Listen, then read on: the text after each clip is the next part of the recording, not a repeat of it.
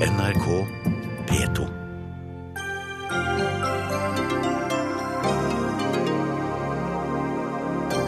Opposisjonen overkjører regjeringen og sikrer full elektrifisering av Utsira-feltet. Oljeindustrien advarer mot tapte arbeidsplasser og gigantiske tap. Antirusorganisasjoner går sammen med Vinmonopolet ut mot regjeringens alkoholpolitikk. Arbeiderpartiet har spilt fallitt, mener Aslak Sira Myhre. Det er ikke lenger et parti for arbeiderklassen.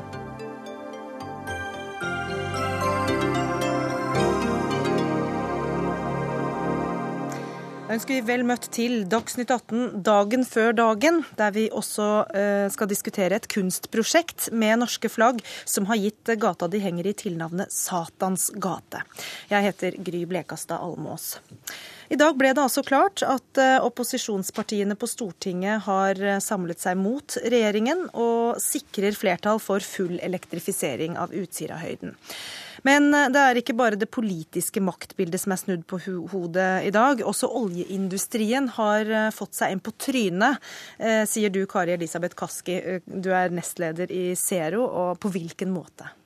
Ja, nei, Oljeindustrien har jo ikke tatt hensyn til eh, de tydelige vedtakene som Stortinget har gjort i klimapolitikken, og i forbindelse med utbygg, eh, utbyggingsvedtakene på de andre feltene på Utsirahøyden, der man har slått tydelig fast at her feltene skal bygges ut med kraft fra land. Likevel så presenterer Statoil eh, utbyggingsplaner for Johan Sverdrup som ikke har tatt hensyn til Stortinget sitt tydelige ønske i denne saken. Og da må de forvente at det går som det går, når Stortinget i dag har skåret igjennom. Eh, opplever du Erling Kvadsheim, eh, også at du har fått deg en på trynet i dag? Du er altså direktør for miljø- og næringspolitikk i Norsk olje og gass og er med oss fra Stavanger. Ja, Innledningsvis så må jeg bare få si at petroleumsnæringen i Norge er positiv til elektrifisering av nye felt på sokkelen. Det må være klart. Men det er ikke i alle tilfeller at det er hensiktsmessig. Og det er heller ikke i alle tilfeller at det er et godt klimatiltak. Så det vi har gått ut med i dag, er derfor en bekymring eh, for den prosessen som, som vi nå har vært vitne til på Stortinget. Eh, en bekymring for at synet på Norge som et sånn stabilt og forutsigbart sted å investere, skape arbeidsplasser og inntekter, faktisk nå blir utfordra. Og det er en stor bekymring. Men er det da uh, slik at du opplever å ha fått den på trynet? Du hadde ikke venta det som kom i dag? Eh, vi var overraska over at det kom eh, i dag på denne måten her. Det, det, det gjorde vi selvfølgelig. Eh, og særlig er vi overraska pga. at det er for andre gang nå på ett år at det ble gjort endringer, reelle endringer i rammebetingelsene for måten selskapene kan operere med på sokkelen. For ett år siden var det et skattespørsmål. Denne gangen er det at stortingsflertall har gjort en endring i, i de forutsetningene som selskapene jobber under. Nå skal ikke Kaski svare svare for prosessen på Stortinget her, eh, men eh, det er ikke alt som, eh, er, som tjener miljøet, hører vi. På hvilken måte vil elektrifisering etter din mening være bra for miljøet? Jeg vil bare først si at hvis oljeindustrien er overraska over det her, så har de bare ikke fulgt godt nok med. Eh, fordi Stortinget har vært krystallklar i denne saken gjennom gjentatte vedtak om at det er områdeelektrifisering som man ønsker her.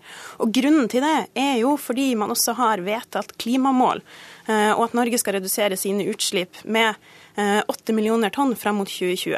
Og Vi vet at det er utfordrende å nå det målet, og vi vet at det ville vært helt umulig dersom feltene på Utsirahøyden ikke blir elektrifisert. Jeg tror det var for dere som ble overraska over den enigheten man så på Stortinget i dag, da? Ja, men det er jo en enighet som har vært kommunisert, både fra eh, Venstre, fra KrF, fra SV, men også fra Arbeiderpartiet, som har sagt det flere ganger. Men på hvilken måte tjener det miljøet, mener du, det som, eh, altså elektrifiseringen, da? Ja, Nå velger man å bygge ut de oljefeltene med ren kraft ifra land som kraftforsyning istedenfor gassturbiner. De gassturbinene som Statoil ville bygge der ute, ville innebære en økning av norske utslipp på over 800 000 tonn, eh, og en økning som ville ha låst fast de norske utslippene på et høyt nivå fram mot og etter 2050. Og Det er en sånn type utslippsøkning som vi ikke har råd til når vi vet at vi må redusere utslippene mot null. Og Det er Stortinget sitt soleklare eh, både ansvar og jobb å sikre langsiktighet i oljepolitikken og i klimapolitikken. Ja, Kvadsheim, må ikke eh, oljebransjen tåle litt uforutsigbarhet hvis man eh, si, kan redde verden på veien? Noe av det som har, som har, karakterisert eh, den norske petroleumsforvaltningen helt siden starten, er at det har vært et politisk stabilt og forutsigbart regime. Eh, det er en av eh, våre store fordeler som, som et oljeprodusentland. Men må det ikke også være noen ofre for at man skal holde de miljømålene man setter seg? Altså det, selvfølgelig må det være eh, politiske vedtak og politiske endringer underveis. Det som er viktig, er at de blir gjort en, på en forutsigbar måte innenfor forutsigbare rammer. Sånn at eh, industrien eh, Og denne, dette er en industri som har et veldig langt tidsperspektiv, veldig lange investeringshorisonter. Og dersom det nå blir skapt usikkerhet om hvilken vei politikken går, så må Eh, industrien begynner å legge til en, en, usikkerhet, en politisk usikkerhet når det gjelder investeringer i Norge. Og det vil være svært uheldig. Kasken. Ja, Nå var det jo eh, Johan Sverdrup, eh, parlamentarismens far, som sa 'all makt i denne sal'. Eh, og Det er viktig å huske på at det er Stortinget som legger rammene, de langsiktige rammene i oljepolitikken og i klimapolitikken. Og Her har de vært helt tydelige i flere vedtak. Eh, og Oljeindustrien kan ikke være overraska på at de også må bidra i, til å kutte utslipp. Oljeindustrien er den største utslippssektoren i Norge, har økte utslipp igjen. Eh, utslippstallene viser det. Og da skulle det bare mangle at de må bidra gjennom at vi får på plass de løsningene som virkelig kutter utslipp i Norge. Ja, og Kvatsheim, Hva innebærer det nå eh, å skulle gjennomføre en full elektrifisering av alle feltene på Utsirahøyden? Altså det, eh, når det gjelder det, det store feltet, Johan Sverdrup-feltet, så eh, har det jo ligget i planene hele veien at det skal elektrifiseres. Og det ville al alene ha Eh, fjerne CO2-utslipp i opp mot 70 eh, i dette området. Men hva eh, innebærer det når man nå også skal elektrifisere de andre feltene der? Hvilke problemer kan det by på? Det som i første rekke er en utfordring, er jo at kostnaden for dette er veldig høy. Eh, og at tiltakskostnaden, tiltakskosten, altså kostnaden for hver enhet CO2 som, du, eh, som da ikke blir sluppet, sluppet, fri, blir uforholdsmessig høy. Og at de pengene kunne ha vært investert i andre tiltak som ville gitt en, en betydelig bedre klimaeffekt enn en, det vi vil se her. Men i tillegg så er det jo det at her er det fare for eh, at det må endres noe på utbyggingsløsninger, på teknologien som velges osv., som føre, kan føre til forsinkelser som i seg selv er veldig kostbare. Ja, eh, Er det sånn Kaski, at man kanskje burde ha si, satsa disse pengene eh, på andre og mer effektive miljøtiltak, og fått mer igjen også ut ifra et klimaperspektiv? Ja, Noe av det mest effektive vi kan gjøre for å nå togradersmålet, er å hindre eh, feilinvesteringer i fossil infrastruktur. Langsiktig fossil infrastruktur. Og det er denne type oljefelt, som i praksis vil låse utslippsnivået på et høyt nivå. Og da vil det bli mye dyrere, for i 2050 må vi være på null. Og Hvis vi da har høye utslipp fra norsk sokkel, så vil det innebære betydelig mye mer kostnader enn det å ta det utslippskuttet nå. Og I praksis så vil jo egentlig oljeindustrien her legge ansvaret ovenpå folk flest, på fastlandsindustrien, på bilistene, som må gjennomføre langt høyere kutt på eh, sin del, fordi at oljeindustrien ikke vil ta sin del av ansvaret. Vi er helt nødt til å kutte utslipp også i eh, oljeindustrien. Og det har de visst. Du har i dag kalt dette en endring i norsk petroleumspolitikk. Eh, kan du bare kort si hvorfor det er det? Det er en endring i norsk petroleumspolitikk fordi Stortinget har gått inn og sagt at også oljeindustrien må rette seg etter klimapolitikken. Klimapolitikken ligger nå som en overordna Eh, som et overordna premiss for andre type, annen type politikk, også for oljepolitikken. Og Kvadsheim, Hvordan vil oljeindustrien rette seg etter dette? Eh, oljeindustrien har forholdt seg til klimapolitikken, og det er viktig at den klimapolitikken òg er langsiktig og forutsigbar. Sånn er det bare i denne næringen. Eh, Men når forutsetningene endrer seg, så må man kanskje også endre virkemidlene? Eh, altså, det som òg er viktig å, å, trekke fram her, er at eh, oljeindustrien allerede har gjort svært mye i dag. Vi produserer olje og gass på norsk sokkel eh, med de laveste utslippene i verden. Det er gjort en rekke tiltak, og det jobbes hver dag med dette her. Og så er det et annet eh, element som òg er viktig, og det er at eh, mye av den eh, produksjon som er på norsk sokkel, eh, olje og ikke minst gass, eh, vil, være, eh, vil, vil, kunne komme til erstatning for annen og mye mer forurensende energiproduksjon rundt omkring i verden. Og Det er jo noe som, som FN og som andre eh, trekker fram i de siste rapportene. At gass er det beste klimatiltaket. Jeg hører du ikke er så veldig glad for dagens enighet eh, på Stortinget. Eh, takk skal du ha, Erling Kvadsheim, direktør for miljø- og næringspolitikk i Norsk olje og gass. Og takk til Kari Elisabeth Kaski, nestleder i Zero. Nå skal vi nemlig se på det politiske eh, bildet i denne saken. Og først til Oskar Grimstad. Du er energipolitisk talsmann og medlem av energikomiteen på Stortinget. Sitter der for Fremskrittspartiet, og du er med oss fra Ålesund. Du har kalt dagens pressekonferanse for en bombe. Kan du forklare det? Ja, eh, Når eh, man responderer på et tilfeldig representantforslag fra Sosialistisk Venstreparti, og den såkalte ørnen innen norsk politikk, Arbeiderpartiet, eh, skifter fullstendig politikk og rammevilkår for den viktigste næring i landet. Da og gambler faktisk med tusenvis av arbeidsplasser, og risikerer nå at hele satsinga, en av de store satsingene industrielt, det største industriprosjektet på mange mange, mange tiår, ved å eh, gå inn et eh, samarbeid på høgst uforutsigbare Eh, tall og, og, eh, ja, og, spille med så mange arbeidsplasser, det syns eh, Fremskrittspartiet er ei bombe. Vi burde behandla dette her på ordinær måte i komiteen, sett konsekvensene av det, gitt oss nok tid, slik at man kunne se konsekvensene av et eventuelt vedtak, og ikke sånn som nå. Nå presenterer man et absolutt før komiteen begynte å behandle saka. Vi får gå til Terje Aasland, da, som eh, sitter i komiteen, energikomiteen for Arbeiderpartiet på Stortinget. Eh, ørnen som skifter politikk, hørte vi her. Hvorfor har dere gjort det?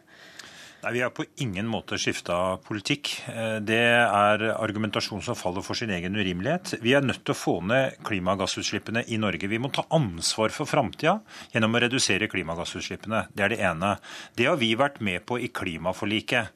Vi erkjenner de problemene som klimautfordringene gir.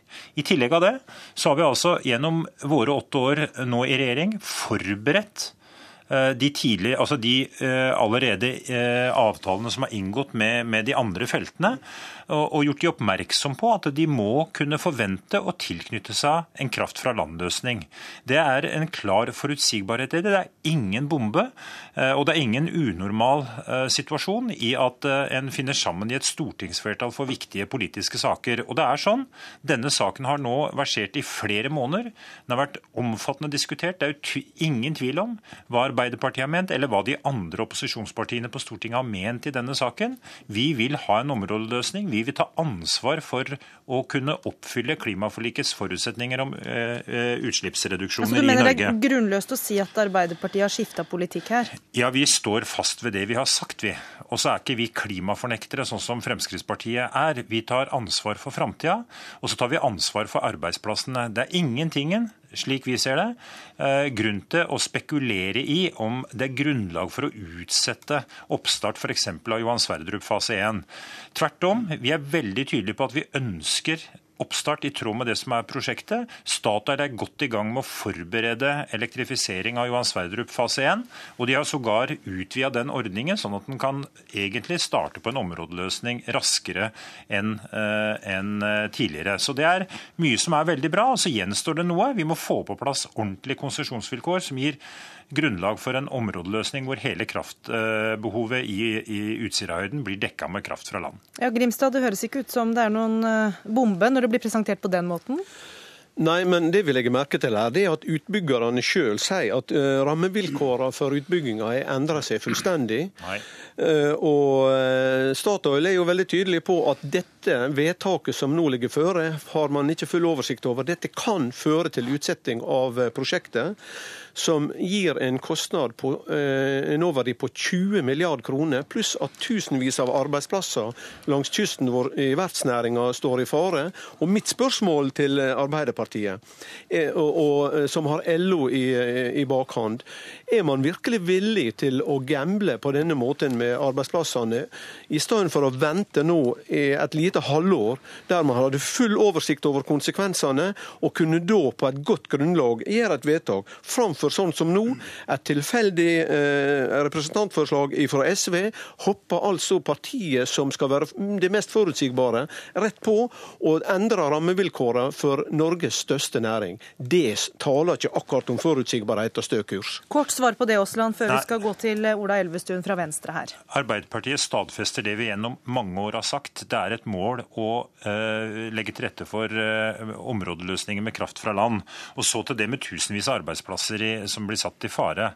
Det som er den største faren for norske arbeidsplasser langs kysten, det er at eh, oljeindustrien i for stor grad velger bort norske leverandørindustri til fordel for utenlandsk industri, Ja, som både forsinker prosessen den- og gjør andre ting i forhold til det.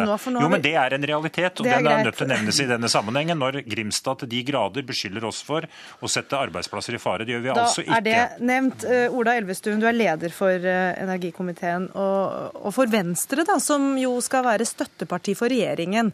Her står dere sammen med opposisjonen og sikrer altså flertallet mot regjeringen. Hva ligger i det?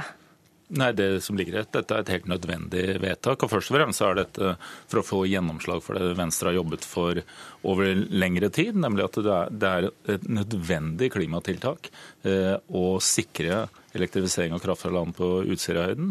Uten at vi gjør dette, så vil vi ikke kunne nå den målsettingen vi har om at vi skal følge opp klimaforliket og nå målene i, i 2020. Så dette er et viktig vedtak. Det er et viktig vedtak for eh, Venstre, og vi bruker selvfølgelig den maktposisjonen vi har på Stortinget for å, få til det. Men indikerer det et slags misnøye, eh, eller mistillit til og med, til eh, regjeringen her? Nei, Vi har et eh, godt samarbeid med regjeringen. Vi har en samarbeidsavtale som vi forholder oss til, og det kommer vi også til å gjøre framover. Og i den samarbeidsavtalen er også et av de viktigste momentet at vi skal forsterke klimapolitikken. Dette er også et vedtak som forsterker eh, klimapolitikken. Men nå var det nødvendig å bruke posisjonen på Stortinget for å skaffe et eh, flertall med andre partier. Nå er ikke du i regjering, eh, Oskar Grimstad, men du representerer jo et eh, regjeringsparti. og Hvordan oppleves eh, støttepartienes svik her, hvis vi kan kalle det det? Nei, Det oppleves jo for så vidt en smule underlig at man velger å presentere dette flertallsframlegget på Stortinget før man har begynt å behandle det i komiteen. Eh, Nå har jo eh, vi vært kjent med standpunktet til Venstre og KrF, så det er ikke noe eh, stor nyhet.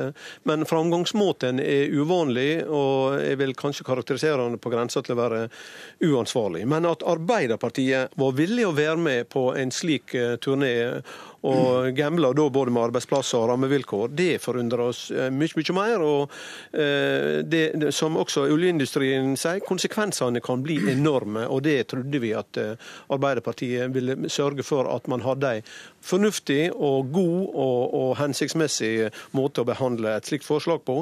Men La oss bare holde litt ved denne prosessen, eh, Elvestuen. Hvorfor har man ikke behandla det i komiteen? Altså, hvorfor skulle dette komme så overraskende på regjeringen? De, flere som har klaget over at det ikke er blitt ordentlig orientert ja, på dette, bør, forhånd. dette bør jo ikke overraske noen. Nå har vi holdt på med denne diskusjonen siden før jul. Vi har hatt denne debatten, vi har hatt direkte kontakt med regjeringspartiene. Det har snarere vært oppe i Stortinget i flere runder, det har vært oppe i spørretimen, det har vært oppe i interpellasjoner. Dette bør ikke overraske noen. Og så er det klart at når du har standpunktet og enigheten klar, så er det også viktig at dette, dette synliggjøres, og man også får vist det utad. Så det, det, som er, det som er nytt, er at du nå har en enighet, og at vi gjør et viktig klimapolitisk vedtak. At vi nå gjør det, gjør det som er nødvendig for å få en elektrifisering av Utsirahøyden, og du viser fram en tydelig klimapolitikk.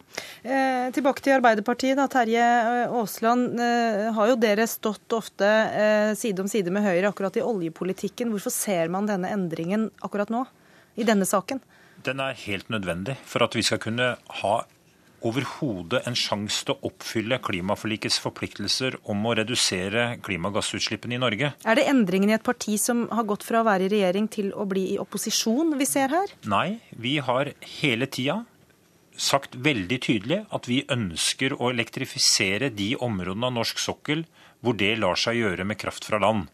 Utsirahøyden er et slikt område. Vi bruker nå muligheten til å eh, elektrifisere med kraft fra land, samtidig som vi opprettholder en mulighet for å kunne innfri det som er våre forpliktelser i forhold til klimaforliket. Og du er ikke bekymra for arbeidsplassene som Grimstad er?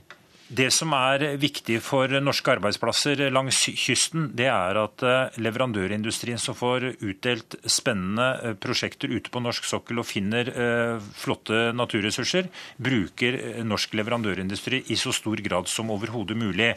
Og så er det sånn, det er ingentingen som tilsier at noen prosjekter skal bli utsatt på bakgrunn av det vi har eh, blitt enige om opposisjon, mellom opposisjonspartiene. Det er med på tvert om å stadfeste en forutsigbarhet, fordi vi nå sier ifra om hva Stortinget legger til grunn eh, for den eh, behandlingen som skal komme om et års tid. Det er for å skape forutsigbarhet. Og så er det sånn, Statoil er som jeg sa, godt i gang med å forberede oppstarten av Johan Sverdrup fase 1. Den inneholder eh, en løsning med kraft fra land fra dag én. Eh, Statoil sier jo sjøl at det som ligger føre som flertallsvedtak nå, har man ikke full oversikt over og kan føre til utsettelse. Respekterer ikke du utbyggeren sin, sin konklusjon på, på, vedtaket, eller har ikke man oversikt over det man faktisk nå er lagt fram og, og mener er nødvendig å vedta? Jeg er helt sikker på Grimstad, at når eh, oljeselskapene får kikka inn i det forliket som eh, vi har gjort i opposisjonspartiene, så ser de mange muligheter i det. Og så skal Venstres eh, Elvestuen også få en kort sluttkommentar. Ja, nei, det dette viser, er jo nettopp at det er viktig å gjøre dette vedtaket nå. Hvis vi venter, så vil det være for seint å få til en elektrifisering og kraft fra land. Det er nødvendig å gi det signalet nå. Og så er det klart det er en utfordring både til statsråd og til selskapene. Men da har det et år på seg framover for å utrede og finne de løsningene som er nødvendige. Da har vi hørt Ola Elvestuen, Oskar Grimstad og Terje Aasland. Tusen takk skal dere ha. Og Magnus Takvam, din tur. Du er politisk kommentator her i NRK. Og hva er det egentlig vi har vært vitne til i dag? Det er jo at eh, stortingsflertallet har påført eh, regjeringspartiene et nederlag, og også Statoil eh, et nederlag i denne saken. Det vanlige har jo vært at regjeringen, Olje- og energidepartementet og oljeselskapene seg imellom har Eh, utarbeidet retningslinjer, konsesjonsvilkår osv. for utbygginger eh, på eh, installasjonene i oljesektoren. Men nå har altså, som vi har registrert, et stortingsflertall diktert en del av premissene for, for krafttilførselen på ja, Utsirahøyden. Så de har flytta makta fra oljeindustrien over eh, og inn på Stortinget, rett og slett? Ja, Stortinget har jo makten uansett, og det har nå brukt den. Eh, det mest interessante ved, eh, ved, denne, ved dette vedtaket i, i, dag, er at Arbeiderpartiet da er med i flertallet, som dere jo har vært inne på. Og hadde ikke de vært med, så hadde det ikke vært flertall for det. Da hadde Høyre, Frp, Arbeiderpartiet hatt, hatt flertall i, i, Stortinget. Og eh, Det som eh, oljeselskapene, også Frp, eh, snakker om når det gjelder usikkerheten omkring utsettelser osv., det ligger i, i vedtakets formulering om tidspunktet for elektrifisering av hele Utsira-området. Fordi det ikke er presisert nøyaktig når det skal skje. Og det, Hva betyr det? Er det, noe, er det, ikke et forpliktende vedtak, da? nei, kan... Det står at det skal skje i, eh, og gjøres klart i oppstartsfasen av, eh, av Sverdrup-utbyggingen. Og Det er et tøyelig begrep. Og Der er det nok slik, vil jeg tro, at de ulike partiene legger litt ulike ting i hvor raskt dette skal skje. For i en overgangsperiode aksepterer alle at man eh, ikke får til full elektrifisering fra dag én. Eh, men når da regjeringen kommer med sin tidsplan for dette, så kan man eh, da, da, får man svaret fra regjeringen om det skal være e-, etter ett år, to år, tre år, fire år, fem år. Og da får man på en måte synliggjort akkurat hvilket tempo man krever at uh, elektrifiseringen skal skje i. Så Det er det uh, oljeselskapene peker på. Det, er det fra dag én, så vil det innebære trøbbel for oss. Du sa uh, innledningsvis at det er et nederlag for regjeringen. Helt kort, Hvordan vil regjeringen forholde seg til dette? De første kommentarene er veldig forsiktige. De går ikke i strupen på, på stortingsflertallet, slik Oskar Grimstad, som er stortingsrepresentant fra Frp, gjør. Eh, og Det betyr at de skjønner at de er en mindretallsregjering som på en måte må ta hensyn til dette. Eh, så de, de må akseptere dette og ta de konsekvensene det, det, det medfører. Og så komme tilbake. Det er jo de som, som skal da lage konsesjonsvilkårene og lage tidsplan osv. Og, så og da eh, vil de vise Da vil det bli diskusjon om igjen når de, de dokumentene kommer til Stortinget. Takk skal du ha, Magnus Takvam. Dagsnytt 18 alle hverdager klokka 18. På NRK P2 og NRK2.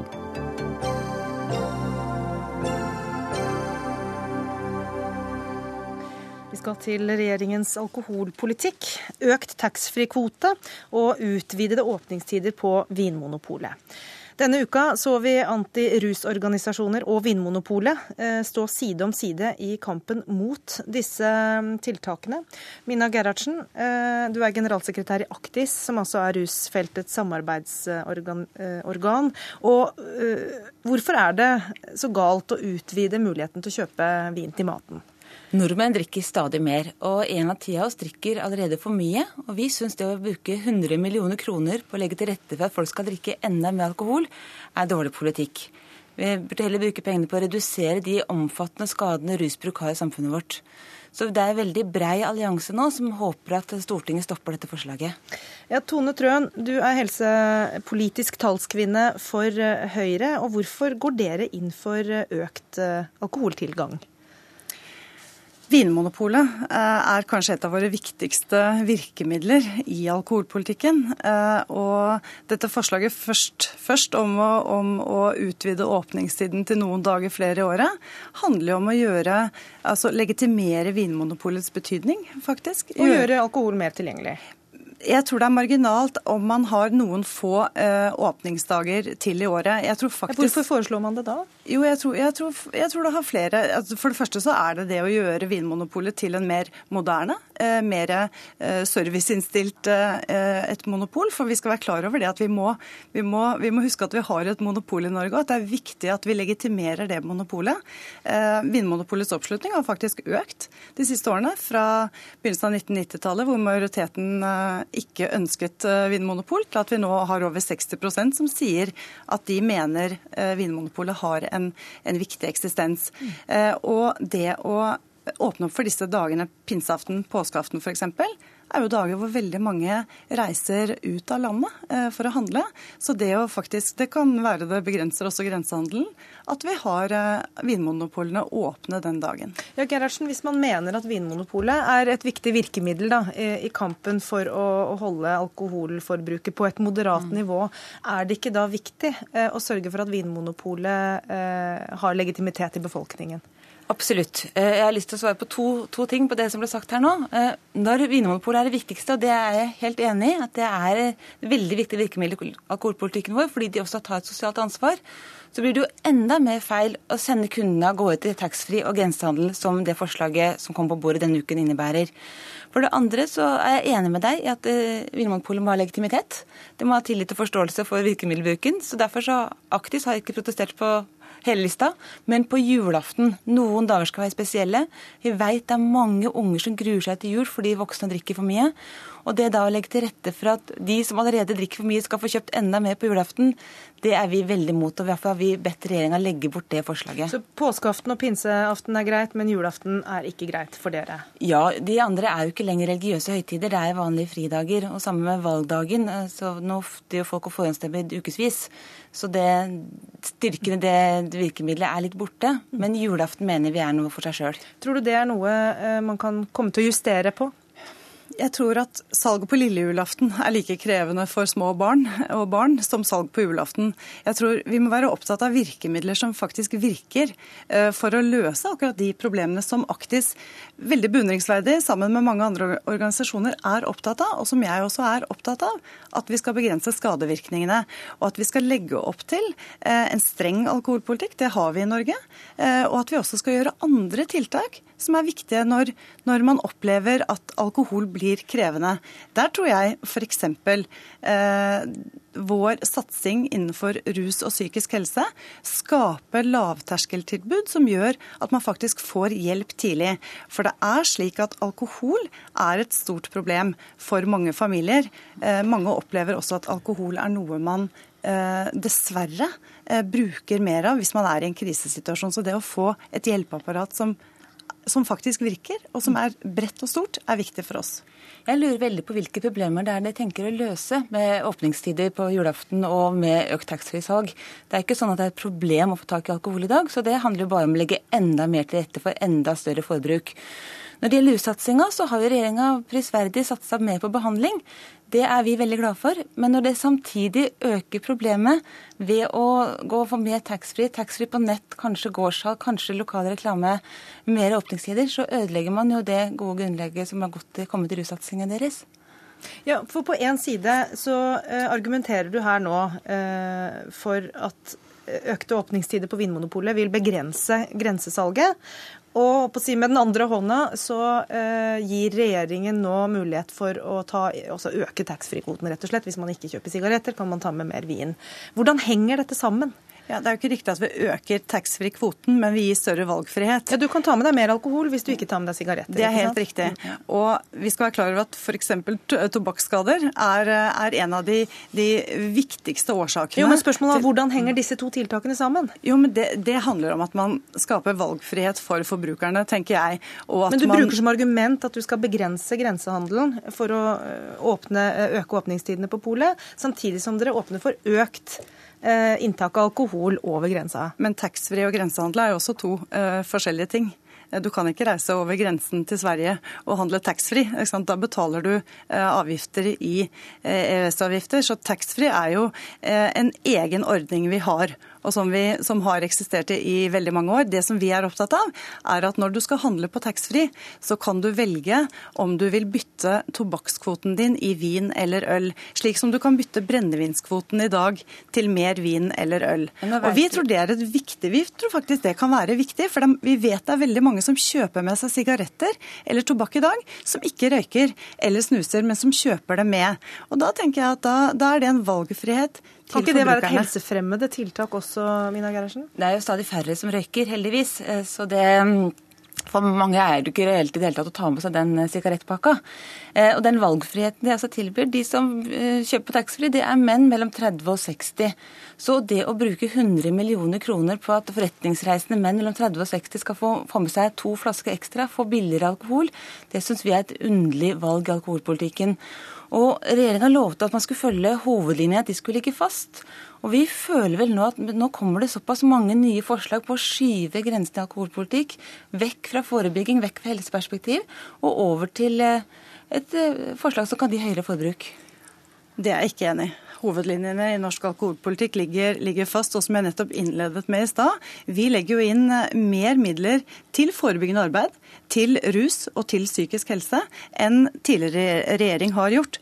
Og hovedlinjene, hovedlinjene ligger jo fast. Dette er små endringer eh, som gjelder åpningstider noen få dager i året, og som gjelder valgfrihet i forhold til taxfree-kvoten.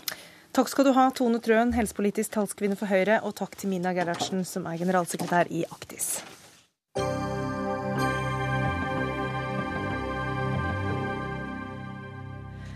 Så skal det handle om eh, Arbeiderpartiet. Eh, for i en kronikk i Dagsavisen hevder tidligere RV-politiker Aslak Sira Myhre eh, bl.a. at ledelsen i Arbeiderpartiet ikke lenger kjenner det flertallet av folk her i landet som faller inn under begrepet arbeiderklasse, og at de i så måte har spilt fallitt. Hva bygger du den påstanden på, Aslak Sira Myhre? Utgangspunktet så skriver jeg ikke om det i det hele tatt. I utgangspunktet skriver jeg om en debatt som foregår i Arbeiderpartiet, eh, og som har pågått veldig lenge, og som handler om Jonas Gahr Støre. Og hvor det framstår som om det er to fraksjoner, og at Jonas Gahr Støre, som Torbjørn Berntsen formulerte det, i kraft av at han ikke kan synge arbeidersanger og ikke flagge på 1. mai, må lære seg noe om folket eh, for å kunne lede Arbeiderpartiet. Eh, og at han er en ikke verdig Arbeiderpartileder fordi han er rik og, og, har høy utdanning fra Frankrike. Og Jeg syns det er en tulledebatt. Eh, fordi at det å være rik eller det å ha høy utdanning har aldri diskvalifisert noen fra å være viktige ledere for arbeiderklassen eller sosialdemokratiet eller sosialismen. Marx hadde høy utdanning, engelsk var styrtrike, og så kan du gå gjennom veldig mange gjennom det. Så jeg synes Det er en skinndebatt. Jeg synes det er urettferdig rett og slett at Gahr Støre på en måte skal holde mot ham på det. Jeg synes det er mye mer interessant er det denne debatten dekker over, hvor Torbjørn Berntsen og, og Gahr Støre egentlig ikke er motsetninger, som er forholdet mellom på en måte Arbeiderpartiet og folk flest. Ja, Hvordan er det Arbeiderpartiet har spilt fallitt? Nei, jeg sier meg at Arbeiderpartiet, for Først så har ikke Arbeiderpartiet spilt fallitt, det er ikke det jeg skriver. I så henseende, skriver jeg. Og det er to vidt forskjellige ting. Arbeiderpartiet er Norges desidert største parti. Stort sett hvert valg så går en tredjedel av befolkningen og stemmer på Arbeiderpartiet. Så det, det, er ikke noe spørsmål. Men, men, men Arbeiderpartiet er for de folka som bor i Groruddalen og minstepensjonister. Eh, ikke nødvendigvis lenger hjemmepartiet. Og Når Arbeiderpartiet ser etter velgerne sine, så har Arbeiderpartiet nå erklært veldig høyt at de de ser etter, det er sentrumsvelgerne. Og det er KrF. De nå, skal nå lage en tenketank til 24 millioner for å vinne KrF. Eh, og inn i sentrum og bevege seg inn mot det. Og Det opplever jeg som problematisk. Samtidig så vet jeg veldig godt Arbeiderpartiet som andre partier de driver nå og undersøker hva folk mener. Denne tenketanken skal da sette i gang med det første de gjør, og finne et reklamebyrå som skal finne ut hva de skal mene, undersøke hva de skal mene, hva mener folk. Så jeg tenker at Styrken i Arbeiderpartiet, den store styrken som gjorde Arbeiderpartiet så stort og viktig, det var det Trygve Bratteli en gang sa. Vi kjente vår tid og gjorde noe med den. Og jeg tenker at Arbeiderpartiet må jo vite dette når de går inn. Hvor skal de hen? Og for oss som ikke er med i Arbeiderpartiet, som ikke har tenkt å bli med heller, så oppleves det som at partiet ikke peker i en retning annet enn å ta vare på statsfinansene. Og det er det jeg ser er problemet, eller fallitten. Marianne Martinsen, stortingsrepresentant for Arbeiderpartiet. Eh, har dere mista kontakten med eh, arbeiderklassen, da, eller det folket dere skal tjene? Nei, altså, eh, Vi har jo fortsatt høy oppslutning ved valg. Altså, Vi ligger mellom 30 og 35% ganske jevnt. og Hvis man ser uh, rundt seg i Europa, uh, så vil man jo se sosialdemokratiske partier som, som ligger på et helt annet nivå enn det. Og jeg tror at Noe av nøkkelen til at Arbeiderpartiet fortsatt er så stort som det er i Norge, er at politikkutviklinga vår først og fremst drives av de 50 000 medlemmene vi har, som, som har eh, all verdens av, av ulik bakgrunn. Men har altså, ikke Sira Myhre her et poeng i at dere har mista litt eh, kontakten med gutta på gulvet? Nei, men altså Gutta på gulvet, hvem er nå det i dag? Ja, hvem er det? Altså, altså de, de, vi kan definere som arbeidere, da, hvis vi skal operere med et sånt begrep, det er jo helt vanlige folk som står opp om morgenen og går på jobb hver eneste dag, og som driver dette, dette samfunnet. Helt vanlige lønnstakere. Og Arbeiderpartiet er og har alltid vært et parti som, som fremmer lønnstakernes, altså arbeidstakernes interesser. Eh, det gjør vi eh, gjennom å sørge for et samfunnssystem som er rettferdig, gjennom å sørge for at vi har Eh, et sosialt sikkerhetsnett, et velferdssystem som fungerer. Og Når Aslak Sira Myhre sier at, at, vi tenker bare på statsfinansene, så, så mener jeg at han sjøl gjør en tabbe ved å ikke se sammenhengen mellom det å klare å holde dette velferdssamfunnet gående, som jo innebærer at du må ta vare på statsfinansene, og hensynet til folk flest. Altså Det er jo for folk flest at disse ordningene fins. Det er jo ikke de privilegerte som kommer til å ende opp under fattigdomsgrensa som pensjonister hvis pensjonssystemet ikke bærer. Det, jeg synes det er veldig bra at du sier det, Marianne, for dette er sånn dere argumenterer. Akkurat sånn. Det, at vi holder statsfinansene flytende, det vil treffe alle. Rektig, Men er ikke det riktig, da? Jo, riktig nok vil det være litt ulikheter. Riktig nok så vil, vil, de på nederste dekk ha det litt dårligere enn de på øverste dekk, mildt sagt, og kanskje vokse forskjellene. Men, men tross alt skuter bedre. Det var argumentasjonen for pensjonsreformen. Men den pensjonsreformen som jeg bruker som eksempel da, på, på det, det, som jeg kaller en sånn klasseblindhet hos dere, og som jeg syns du demonstrerer nå, det er en pensjonsreform som gjør at jeg, jeg får et helt fantastisk yrkesliv. Jeg kan jobbe til jeg er 70, jeg lever av kjeften min og pennen min og skrive og snakke og gjøre ting. Jeg kan ta ut pensjon fra jeg er 62, så kan jeg jobbe fullt oppå der, få dobbel belønning. Mens far min, som har jobbet som verftsarbeider og tar ut pensjon når han er 62, hvor det er veldig få sånne tilleggsjobber. For ikke snakke om arbeidskollegaene hans som ikke var klubbtillitsvalgt og andre ting. De har ikke noe, Det finnes ikke sånn deltidsjobb for sveisere. Det finnes ikke sånn en masse ettertrakta vaskejobber når du går av med AFP fordi at du ikke holder lenger. Og de de blir ramma av den reformen. Og de merker det, mann. Og det tenker jeg sånn, Da er det ikke bare snakk om å holde statsfinansene flytende, men også et spørsmål om hvordan holder vi statsfinansene flytende. Hvem er det som bærer byrdene? Men altså, Det er jeg jo helt enig i. Og det er, jo, det er jo det som står i høysetet hos oss hele tiden. Hvordan er det de endringene vi gjør i vårt velferdssystem, slår ut for folk? Eh, og En av de tingene vi har gjort, er f.eks. å innføre en lov om obligatorisk tjenestepensjon. Det gjør at folk da i privat sektor, når du refererer til faren din, nå har tilgang på en pensjonsordning som de ikke hadde før. Det var over 500 000 arbeidstakere som ikke hadde noen ting over folketrygden før den reformen kom. Og det at du kritiserer at, at nå blir det en sammenheng mellom det å stå i arbeid og pensjonsutbetaling, det lever jeg i og for seg eh, ganske greit, eh, greit, med. Men bunner dette i at du er uenig i Arbeiderpartiets politikk? I så fall er jo ikke det veldig overraskende. Nei, det, det, at vi er uenige om pensjonsreformen, det er ikke så viktig. Poenget er det jeg prøver å si altså, For meg og for pensjonsreformen er det viktig, for de som blir pensjonister, men det er ikke det vi skal, diskutere nå. Men for meg så prøver jeg å si at det som gjør at det kommer kritikk av Gahr Støre, det som at Stoltenberg blir kritisert òg for å tilhøre en styringsyter osv., altså, Hvis Marianne Martinsen tror at det ikke fins, så, så, er du blinde. For dette er en sånn diskusjon som går på alle kafeer, på alle arbeidsplasser rundt omkring i hele Norge, hele veien. Det at den kommer, handler ikke, tror jeg, først og fremst om hvem de er, at Stoltenberg er pene og flinke, at Gahr Støre har penger, alle tingene der. Det handler om en opplevelse hos folk av at politikken som føres, ikke lenger er for de, og at avstanden opp til toppen er for store. Og Det, det, det er på en måte det jeg prøver å peke på, Manne. Det hjelper ikke at du mener det, det hjelper ikke at du sier det til meg. Poenget er at hvis dere skal bli et 40 %-parti, som jeg ønsker at dere skal være, mye bedre det, så mye bedre at dere er det enn en, en, så er poenget at da må dere slutte å se etter sånne som meg. Og så må dere se etter de 10% dere kan få som ikke går og stemmer fordi at det betyr ikke noe for dem lenger.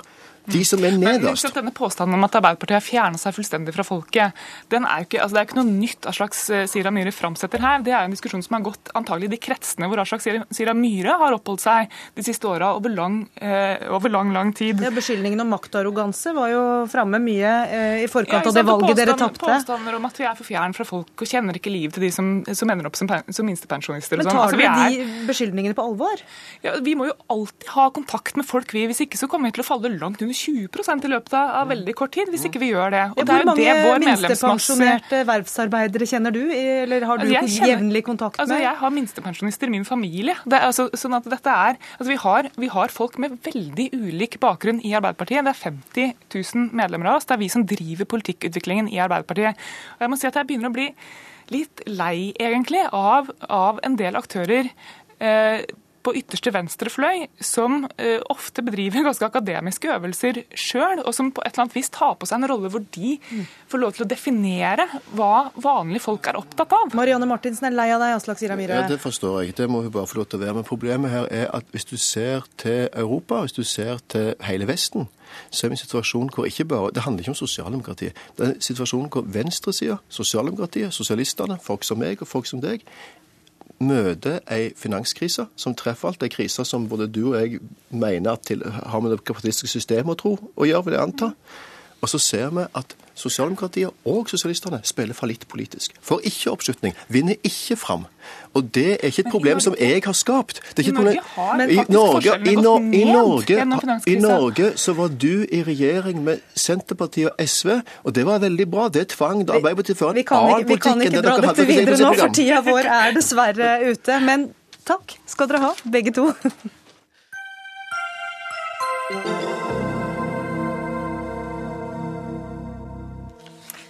I ettermiddag har eh, tyrkisk opprørspoliti brukt tåregass, vannkanoner og plastikkuler mot tusenvis av demonstranter i eh, Soma, der en gruveulykke har kostet over 300 mennesker livet.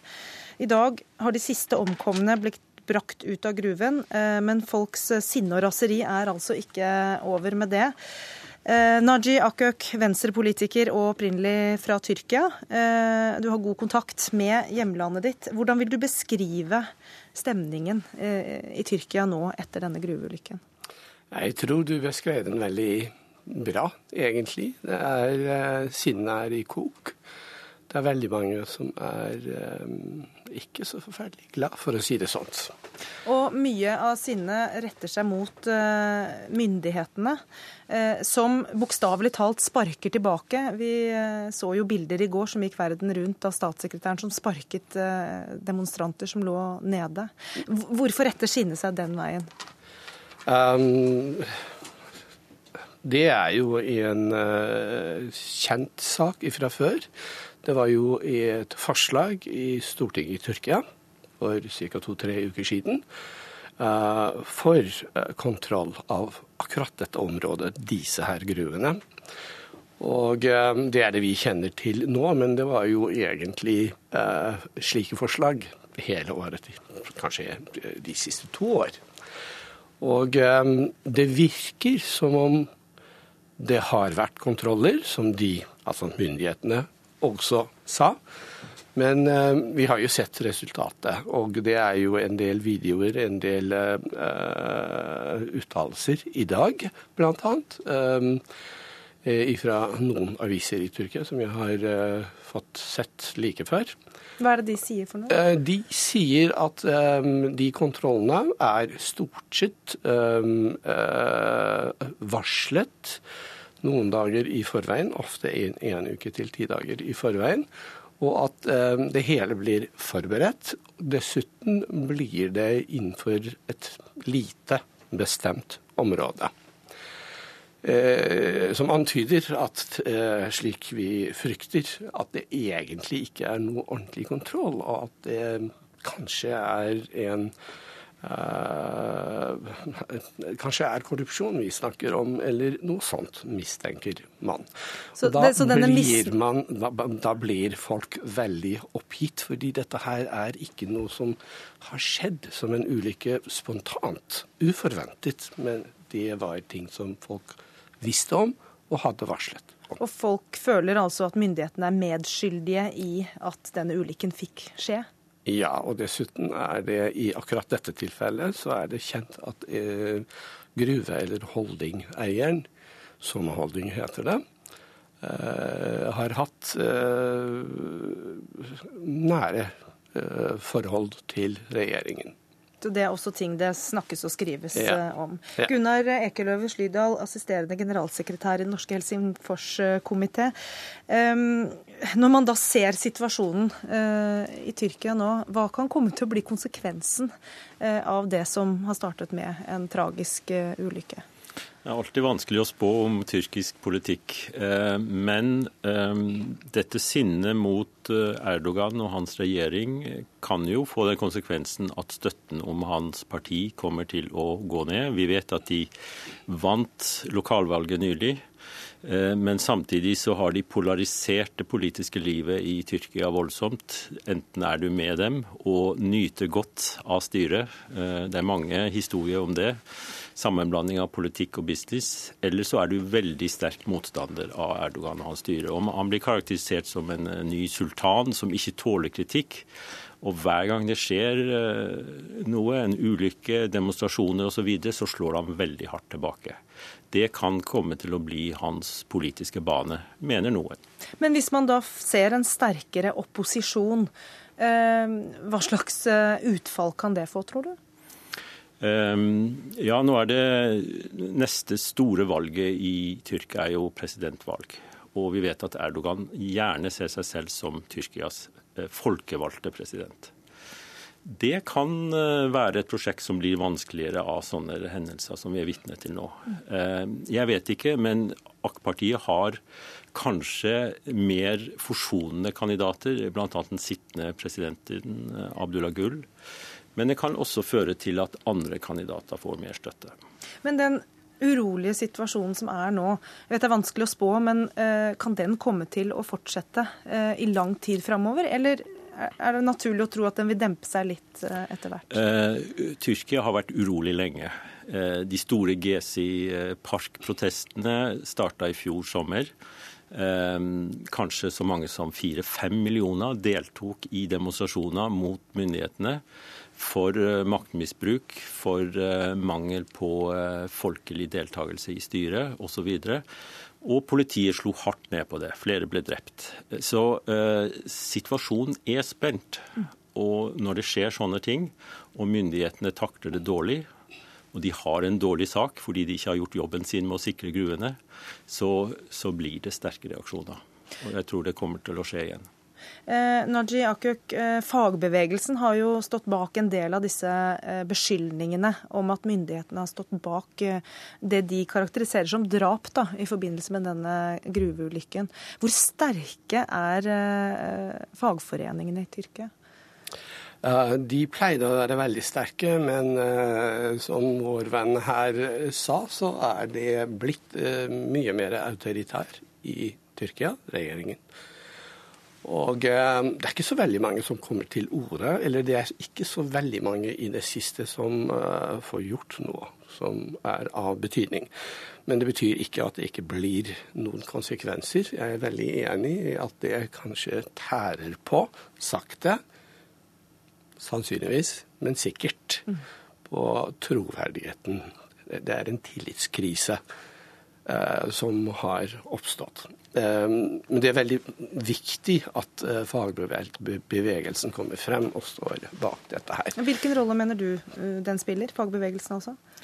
Ja, den spiller jo en veldig viktig rolle, fordi den er talerør for de arbeiderne som ofte jobber under veldig stor risiko. Og Det er gruveindustri, men også mange andre industrier i, i, Tyrkia hvor sikkerheten ikke er så god som den burde være. Mm. Helt til slutt, Hva har gjort mest inntrykk på deg eh, i denne saken? Um, I dag hadde jeg en samtale med en av dere. Uh, da sa jeg at, er, um, at de må tilbake til de gruvene. Det er det som har gjort uh, inntrykk på meg. Alt har egentlig. Altså, vi må jo nesten si kondolerer til hele tyrkiske befolkningen og de som er her, for så vidt som er berørt. Men ja, tapt er veldig trist. Men frykt er ikke mindre trist. Takk skal du ha, Naji Akuk. Takk også til Gunnar Ekeløve Slydal. Hør Dagsnytt 18 når du vil. Radio NRK.no.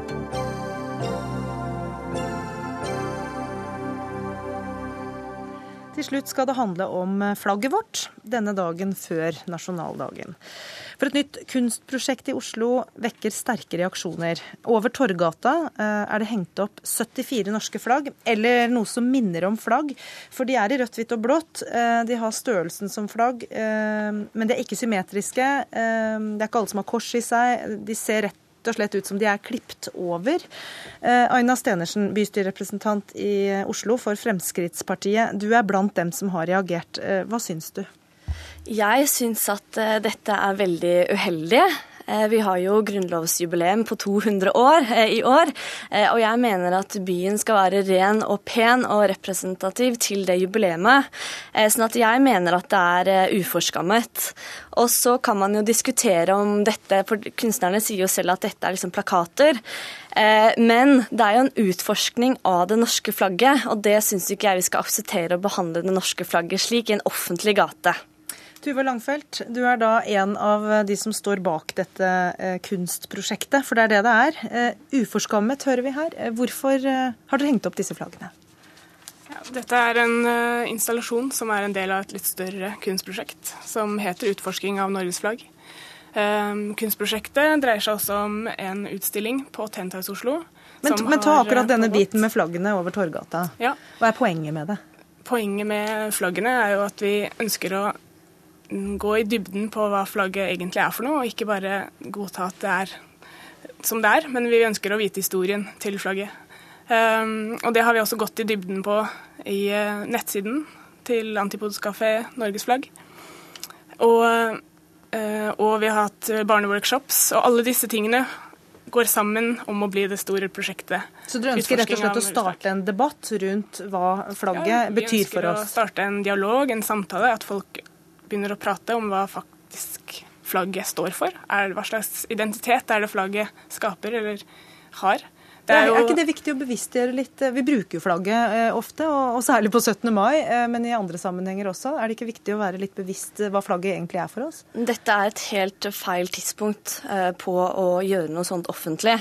Eh, og så er det til og med 84% av den norske befolkning liker dette ikke. Eh, nå til 17. mai så skal vi ha kongefamilien på besøk, vi har ordførere, og byen vår skal være representativ. Eh, og da skal vi ikke ha halvklipte norske flagg, 74 stykker, som henger overalt eh, i gatene og provoserer folk som er veldig glad i det norske flagget. Og Men Langfeld har lyst til å starte en dialog. Det, må man ikke provosere litt for å få i gang eh, tanker og følelser hos folk? Man må ikke starte en dialog ved å henge opp offentlig alle disse flaggene som er skamfert. det mener jeg blir meningsløst. Hvor mye har dere ønska å provosere eh, med dette? Det har ikke vært intensjonen i utgangspunktet i det hele tatt. Det har, eh, vi har ønsket å skape mer bevissthet rundt hva flagget er for noe, hva det står for, og hvilken identitet flagget har, eller hvilken identitet flagget representerer. For det er jo det vi også ser da, av reaksjonene, at folk blir Altså, De føler seg tråkket på, og det var jo ikke noe jeg ønsket å gjøre i det hele tatt. Jeg har noen eksempler eh, fra sosiale medier. Eh, Satans gate eh, er det blitt pga. flaggene, er det en som mente, mener. Eh, det blir kalt respektløst eh, og stygt. Og til og med LO-lederen, som, eh, som, jobber ikke langt ifra denne gaten og sikkert går gjennom den mye, er blitt opprørt av det. Du hadde ikke ventet de reaksjonene? Nei, jeg hadde ikke ventet så sterke reaksjoner. Jeg hadde ikke det. Eller jeg, jeg er jo klar over at man uh, rører ved, folk, ved noen nerver i det norske folk, som kanskje flagget representerer, da. Men uh, det jeg var ikke klar over det. Blitt tatt litt på senga av de reaksjonene der? Ja, i hvert fall de groveste reaksjonene, som har også vært veldig personlige. og i direkte kontakt med meg på både sosiale medier og på telefon. Og det syns jeg jo ikke er så hyggelig. Men Stenersen hun har jo fått godkjennelse av Oslo kommune for å henge opp disse flaggene. da. Ja, Først så vil jeg bare si at jeg tror ikke noe på at hun ikke trodde hun kom til å få noen reaksjoner. Eh, fordi at eh, her er det tiden. Det er planlagt i to år. Eh, I tiden før 17. mai. Det er 17. mai i morgen. Vi har grunnlovsjubileum som vi har snakket om i så mange dager. Og da å si at man ikke vil få noen reaksjoner, også når vi så den flaggdebatten som var i fjor, det tror jeg ingenting på. Men da blir spørsmålet hvorfor ikke Oslo kommune har stoppet dette? Det som er, er at det er helt riktig at plan- og bygningsetaten har godkjent eh, denne eh, forespørselen, og de har spurt også om å få lov til å henge det opp av gårdseierne og sånn. Eh, men det som er, er som jeg også mener at vi politikere må se på i bystyret, er at man kan få lov å henge opp hva som helst av kunstneriske installasjoner på gjennom plan- og bygningsetaten. Eh, og du kan jo bare tenke deg eh, det verste folk kan henge opp eh, offentlig. sånn at da har jeg tenkt å ta opp i bystyregruppa vår, og eventuelt også da selvfølgelig i bystyret, at vi må se på det regelverket. Så dette kan få et politisk etterspill også? Absolutt. Hva tenker du om det? Hadde du sett for deg det? At, at det skal føre til endringer eventuelt, da, hvis Fremskrittspartiet jo, får med seg ja, andre? Jeg må si jeg er veldig synd i grunnlovsjubileumsåret, som også representerer ytringsfrihet på det sterkeste. Og det er jo også flagget og dette prosjektet vi jobber med. Vi ønsker jo en dialog som styrker vår kunnskap om flagget. Og vi ønsker jo ikke at folk skal Altså, det er ikke noen hensikt å bytte flagget. Det er ikke vårt formål med dette prosjektet i det hele tatt. Det må jeg bare forsikre dere alle om. Ja, For det er ikke bare 17. mai, det er grunnlovsjubileum, 200-årsjubileum også, eh, som feires eh, i morgen. Eh, og det er jo en demokratisk rett å få uttrykke seg. Jeg tenker at det norske flagget skal man faktisk ha respekt for. Det ser man i andre land også. I USA så får man bøter om man brenner det, og man kan bli fengslet også.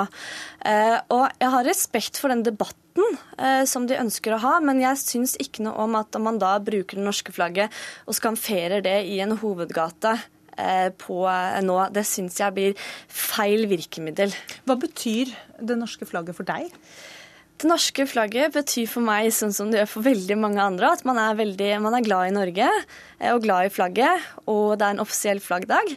Eh, og da er man stolt av det flagget man har. Som et nasjonalt symbol? Det er et symbol på demokrati. Det er et symbol på at vi alle har en felles grunnlov, og at alle bor i Norge, og det syns jeg er flott. Og Tuva Langfelt, hva betyr flagget for deg?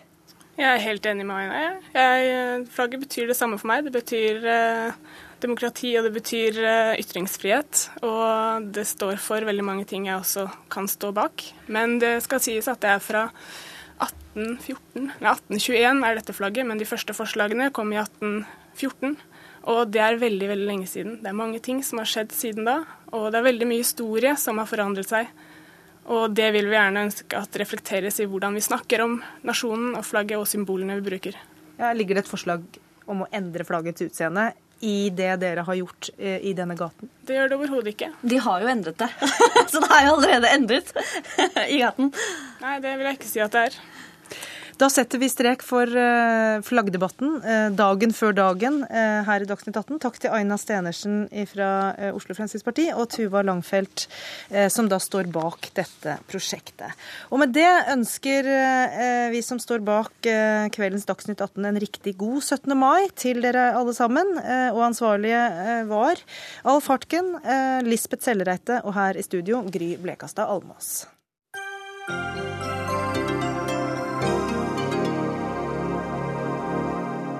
Hør flere podkaster på nrk.no podkast.